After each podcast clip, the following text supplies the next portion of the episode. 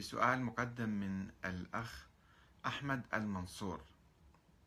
يقول آه، سؤال للأستاذ أحمد الكاتب. السلام عليكم. نشر بعض الأصدقاء أن الشيخ محمد حسين فضل الله قال عن أبحاثكم في المهدي إنها صدرت من غير متخصص. فهل ناقشتم الشيخ فضل الله في هذه الأبحاث؟ وهل الشيخ فضل الله وهل للشيخ فضل الله. يقصد السيد محمد حسين فضل الله يعني. أبحاث متخصصة في المهدي والإمامة أم أنه كغيره من المراجع لم يهتم بالبحث والتأليف فيها واكتفى بقراءة بعض الكتب فيها. آه، فأجبته بما يلي. قلت السلام عليكم. معذرة لم يصلني منه هكذا تعليق وإنما سمعت من عدد من الأخوة الطلاب في قم أنهم سألوه عن رأيه في الكتاب بعدما صدر آه، سنة 97 وكان في زيارة إلى قم فسأله بعض الطلاب العراقيين واللبنانيين عن رأيه في الكتاب. فقال لهم هذا يعني بحث تاريخي فردوا عليه ببحث تاريخي إذا كان لديكم. فقالوا له طيب لماذا أنت لا ترد عليه؟ يعني طلبوا منه أن يرد. فقال لهم في الحقيقة أنا مشغول وقد سمعت هذه الرواية من عدة أشخاص كانوا حاضرين في تلك الجلسة في قم آه، فقلت الأخ هذا يعني الكلام وعندما أنا زرته في سنة 2006 أو 7 لا أتذكر بالضبط فقال لي زرته في مكتبه في الضاحية الجنوبية بأنه مع حرية البحث بلا حدود ولم يعترض عليه ولم ينتقد ولم يقل شيء. وبعد ذلك سمعت من أحد العاملين في مكتبه بالقسم الثقافي قال أن السيد يعني أوصانا بعمل آه، لجنة أو يعني آه، اهتمام في الرد على الكتاب. ومضت سنوات ولم ينتج شيء من ذلك. فالأخ آه، الأخ أحمد المنصور آه، نقل لي النص اللي موجود في موقع السيد فضل الله حتى الآن موجود ونشر منذ ذلك الحين منذ عشر سنوات تقريبا قبل أن يتوفى السيد رحمة الله عليه بسنتين آه، عبد العزيز القاسم صحفي سعودي أجرى معه مقابلة مطولة جدا على عدة حلقات يمكن نشرها. وأيضا في نهاية المقابلة سأله عني. وهذا موجودة في المقابلة موجودة في موقع بينات دوت أورج. آه، وأنا عدت إلى آه، هو نقل لي هذه فقرة من عنده في الحقيقة. أنه سؤال تحت هذا العنوان أحمد الكاتب كتب في غير اختصاصه ويقول سؤال يوجهه عبد العزيز القاسم إلى السيد فضل الله. الباحث الشيعي المعروف الدكتور أحمد الكاتب كما يكتب هو يعني أنقل لكم النص يذكر أنه كتب بحثه حول تطور الفكر السياسي الشيعي وهو الذي وصل فيه إلى نفي وجود المهدي المنتظر وإلى نفي مبدأ الإمامة بمفهومها الشيعي يقصد يعني الإمامة الإلهية. ويذكر أنه أرسل بحثه إلى المراجع فلم يجبه أحد منهم. ما رأي السيد فضل الله في النتائج التي توصل إليها أحمد الكاتب؟ سؤال يعني محرج حقيقة. الجواب كما ينقل هذا الصحفي وكما هو منشور في موقع السيد فضل الله اليوم.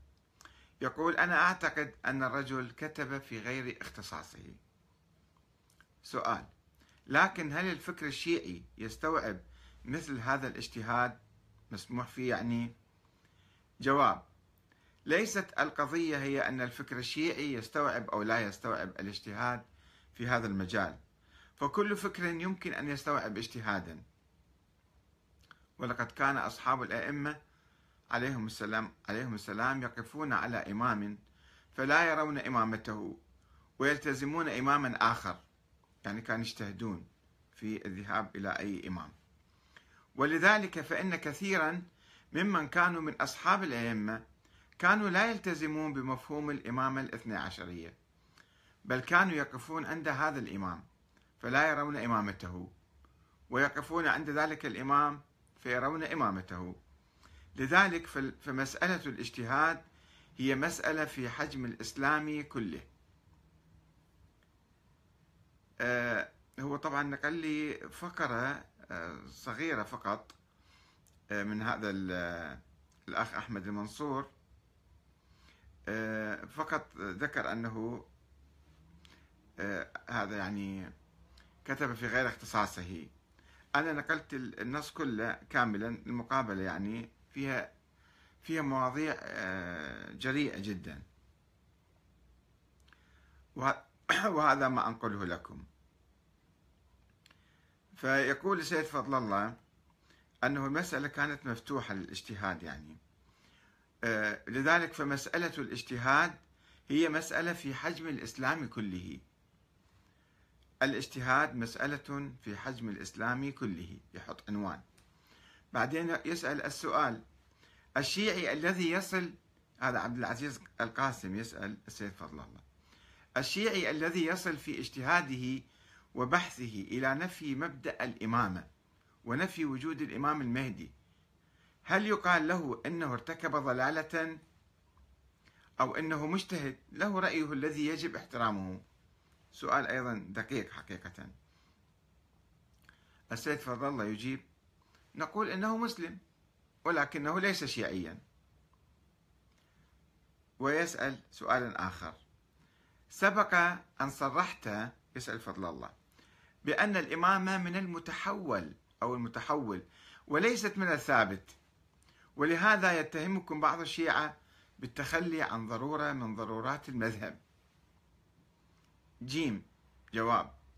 أنا قلت إنها من المتحول بمعنى أنها من القضايا القابلة للاجتهاد إسلاميا بحيث أن البعض قد يؤمن بها والبعض قد لا يؤمن بها وليست من الثوابت كالتوحيد والنبوة والمعاد.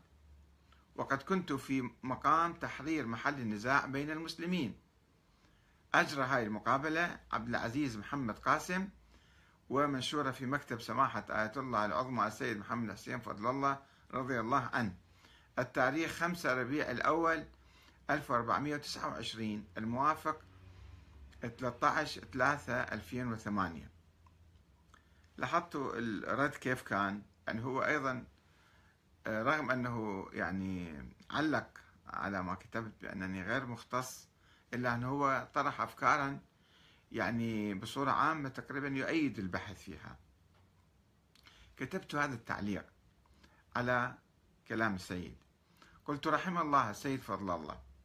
فهو يقول بإمكانية الاجتهاد في الإمامة كما واضح من حديثه لأنها ليست من الثوابت كالتوحيد والنبوة والمعاد. ويؤكد بأن من يصل في اجتهاده إلى نفي الإمامة ونفي وجود الإمام المهدي مسلم. وأن بعض أصحاب الأئمة لم يكونوا يعترفون بإمامة بعض الأئمة ويلتزمون آخر. وأن كثيرا منهم كانوا لا يلتزمون بمفهوم الإمامة الاثنى عشرية لأنها ما كانت موجودة حقيقة تلك الأيام. وقد قال لي شخصيا سيد فضل الله بأنه مع حرية البحث والاجتهاد بلا حدود. وهو أمر لا ينفرد به السيد فضل الله حرية الاجتهاد في العقيدة يعني. وإنما يقول به جميع الفقهاء الذين يوجبون الاجتهاد في العقيدة. ولا سيما في موضوع الإمامة ووجود الإمام الثاني عشر. يعني يجب الاجتهاد عن واحد ما يؤمن بالأشياء بالتقليد. هذا شيء بديهي ومسلم يعني. وبالتالي فإن قيام شخص مثلي بمراجعة نظرية الإمامة وفرضية وجود الولد للإمام العسكري والوصول إلى نفيهما يعتبر أساسا هذا واجبا إسلاميا وشيعيا. ولا يحتاج إلى اختصاص معين ما يحتاج واحد يكون مختص حتى مثلا يكتب هالموضوع أو ما يكتب. إذا واحد اجتهد وبحث فهذا من حقه أولا. ومع ذلك فإني أعتقد أني كنت أنطلق في بحثي الشامل لنظرية الاثنى عشرية ونقدها من اختصاص عميق واجتهاد شامل روائيا ورجاليا وتاريخيا وعقليا. بحثت كل هذه الأمور مع بعض في كتابي الإمام الثاني عشر آه، حقيقة تاريخية أم فرضية فلسفية. وبالتالي فإني لم أفهم ماذا يعني بالضبط بالاختصاص. يعني عندما يقول السيد فضل الله أن أحمد الكاتب غير مختص شنو معنى الاختصاص؟ يعني هو مثلا مختص في هذا الموضوع فلماذا لم يكتب به؟ لا إثباتا ولا نفيا. فمن هو المختص؟ يعني تعريف المختص وأنا كنت قبل ما أكتب هذا الكتاب من عشرين سنة أنا أكتب في فكر أهل البيت والإمامة وأدعو لنظرية الإمامة وعندي خمسة عشر كتابا تقريبا بالسبعينات والثمانينات كنت كاتبا حول الإمامة وأهل البيت وما يتعلق بالمرجعية وما إلى ذلك. أه وعندي عشرة كتاب سنة 73 ألفته وطبع 74 عشرة ناقص واحد يساوي صفر حول الإمامة. طبعا أنا ما كتبت في دعم نظرية الإمامة. كنت مختص ولا ما كنت مختص؟ ما حد ما نقدني ما حد ما اعترض علي ما حد ما شكك في اختصاصي. وبالتالي كنت في الحوزة وكنت أكتب خصوصا في موضوع الإمامة. فكيف يعني هو كيف عرف أني مو مختص؟ مو مسألة عندي مهمة بالحقيقة بس أنا في إجابتي لهذا الأخ أه، وقد عجز هو عن الرد علي. إذا أنا مو مختص وكتابتي مثلا سخيفة كان بسهولة يستطيع أن يرد علي ويرد على كتابي بينما هو مضت سنوات ولم يفعل ذلك. يعني حوالي حوالي أكثر من من 15 سنة آه، أنا نشرت كتابي بصورة يعني على الديسكات وبالورق. المسودة في سنة 93 هو توفى سنة 2010 فتقريبا 15 16 17 سنة إذا وصل الكتاب و وأوصلته إلى كثير من العلماء وبعثت رسائل إلى كثير من العلماء. 400 عالم. وقلت لهم هذا عندي كتاب وكذا في مواضيع هكذا وأرجو مناقشته والرد عليه. فما حد ما رد وما جاوب. فيجي يقول هذا مثلا مو مختص شو معناته يعني الكلام هذا آه، فهو عجز عن كتابة بحث يثبت نظرية الإمامة أو الاثنى عشرية.